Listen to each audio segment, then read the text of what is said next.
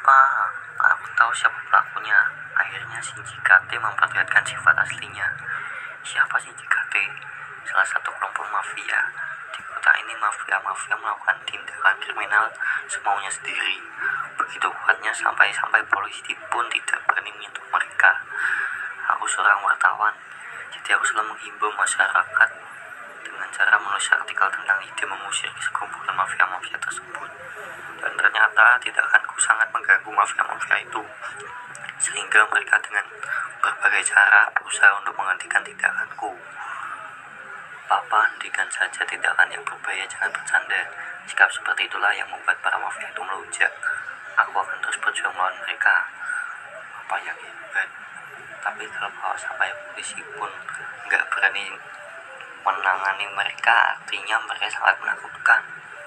Ayo kita cepat-cepat berbaik dari itu dan melarikan diri. Eh, di ini ada sekolah juga.